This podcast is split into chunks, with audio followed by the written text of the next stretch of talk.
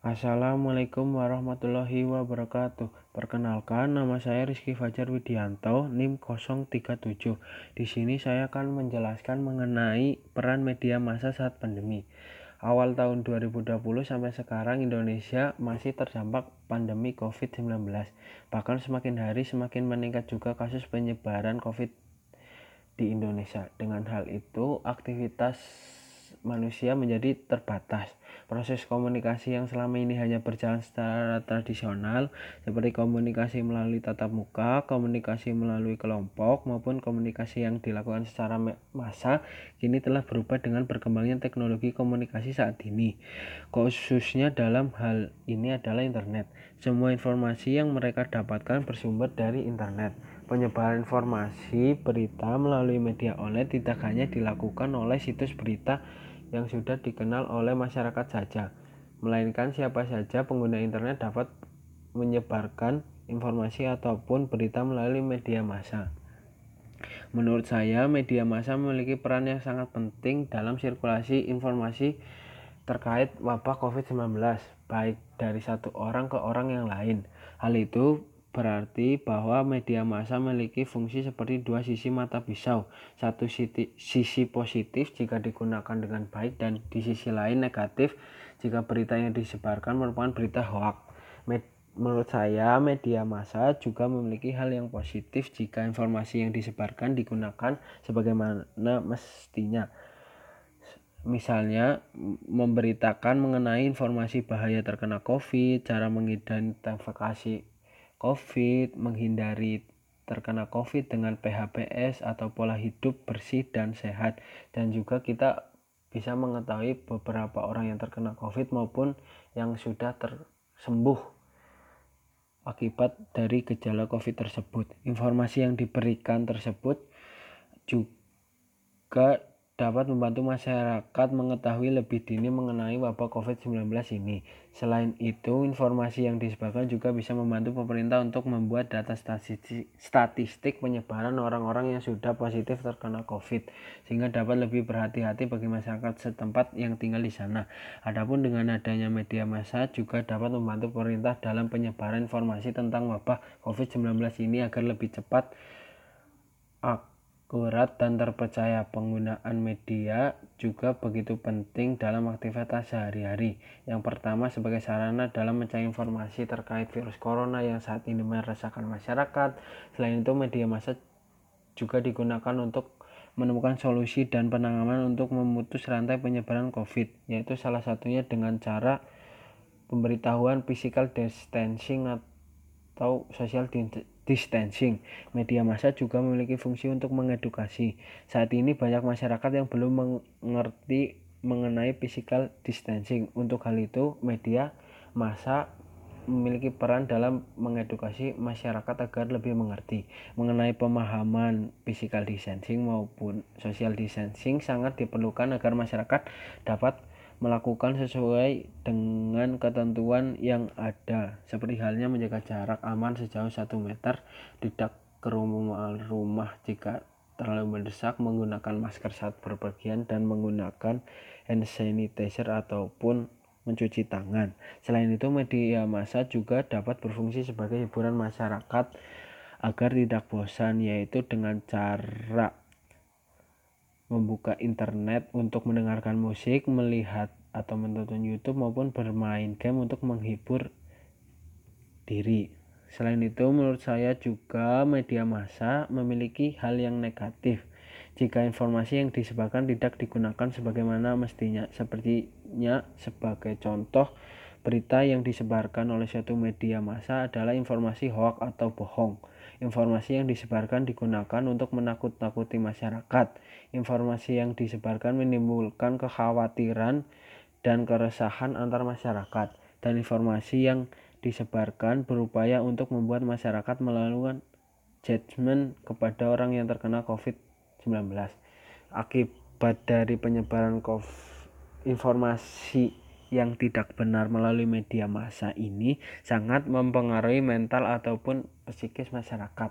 Seperti halnya yang kita ketahui saat ini, banyak orang yang salah paham mengenai penguburan jenazah yang positif COVID atau terkena COVID. Banyak masyarakat yang menolak untuk menguburkan jenazah orang tersebut di tempat tinggal mereka karena mereka takut tertular. Hal ini menyebabkan keluarga yang ditinggalkan juga merasa kesusahan untuk memakamkan jenazah tersebut. Padahal penguburan jenazah itu dilakukan secara SOP kesehatan, maka tidak akan bisa lagi virusnya menular ke orang lain. Namun sayangnya masyarakat malah percaya dengan berita hoax yang menyatakan bahwa tempat jenazah dimakamkan bisa menularkan virus ke orang lain. Selain itu saya juga mengambil sebuah berita dari Sindo News Rabu 12 Agustus 2020.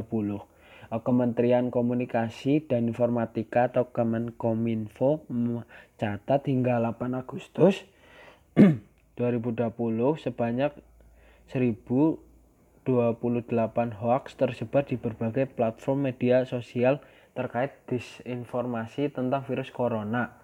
Dirjen Informasi Komunikasi Publik atau IKP Kemenkominfo Widoyo Muktio mengatakan Kominfo mempunyai cybercrime yang selama 24 jam terus melakukan monitoring terutama di media sosial terutama terkait dengan informasi hoax mengenai COVID-19. Beliau berkata, jadi di Kominfo jika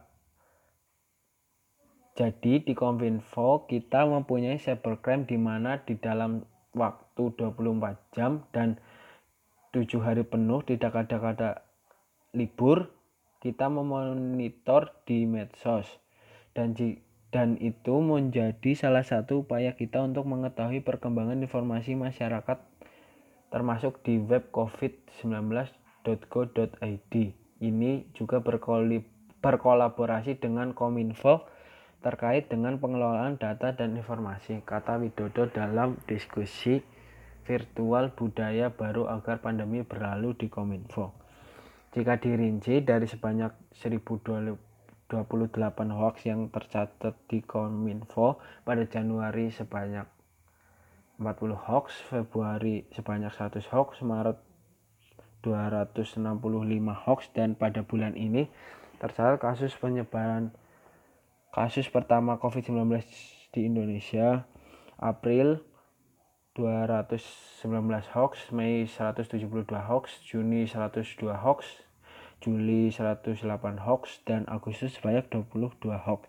Selain itu, Widodo mengatakan di era keterbukaan informasi saat ini, masyarakat punya data terkait COVID bisa dibuktikan dengan ataupun disandingkan dengan data dari Satuan Tugas Penanganan COVID-19. Di era saat ini justru sebetulnya kalau masyarakat punya data dan data itu bisa dibuktikan maka hal itu bisa disandingkan dengan data yang ada di covid19.go.id termasuk juga bisa lewat Kominfo, tutur Widoyo. Sehingga kata Widodo diharapkan ada validasi dan tidak menjadi hoax. Artinya bagi begi, artinya begini di era keterbukaan ini menjadi jauh lebih memudahkan partisipasi masyarakat untuk mengontrol pelaksanaan program maupun apa yang pemerintah berikan kepada masyarakat. Ini yang saya kira penting. Yang penting adalah seperti masyarakat mau divalidasi datanya kemudian malah menjadi hoax bukan malah menjadi adu domba, tegas Widodo. Apalagi dalam penanganan COVID-19 ini pemerintah telah menganggarkan bantuan sosial yang perlu dipantau juga oleh masyarakat. Widodo juga berkata, inilah kesadaran masyarakat civil society untuk bisa bersama-sama. Apa yang sudah dianggarkan oleh pemerintah yang jumlahnya sangat banyak, menurut saya dan di sektor yang berbau bantuan langsung sosial sampai pada ekonomi sampai UKM sampai pada kesehatan maupun ini sudah dikelontorkan terakhir bahwa pegawai yang gajinya 5 juta yang mendapat bantuan ini mohon juga dimonitor kata Widodo. Widodo juga mengatakan dengan keterbukaan informasi dan saling memvalidasi maka tidak ada informasi lagi di masyarakat. Kita tidak bisa tanpa adanya umpan balik dari masyarakat. Saya kira itu sehingga kami sangat senang kalau komponen masyarakat atau informasi yang valid, informasi yang bisa dibuktikan, kemudian kita akan menegakkan aturan dengan yang sudah berlaku selama ini tegas Widodo. Dengan hal ini dapat saya simpulkan bahwa media massa memiliki peran penting dalam penyebaran informasi mengenai wabah COVID-19. Oleh karena oleh karena itu, kita sebagai masyarakat awam seharusnya dapat memilah ataupun menyaring mana berita yang benar dan mana berita yang salah, sehingga kita tidak berspekulasi yang tidak baik mengenai orang-orang yang terkena COVID-19 ini. Bukankah kita juga sebagai umat Islam sudah diajarkan bagaimana untuk tetap bertabayun terhadap berita yang kita dapat? Hal ini dilakukan agar kita tidak mudah menyerap informasi yang tidak benar baik untuk diri kita sendiri maupun untuk orang lain.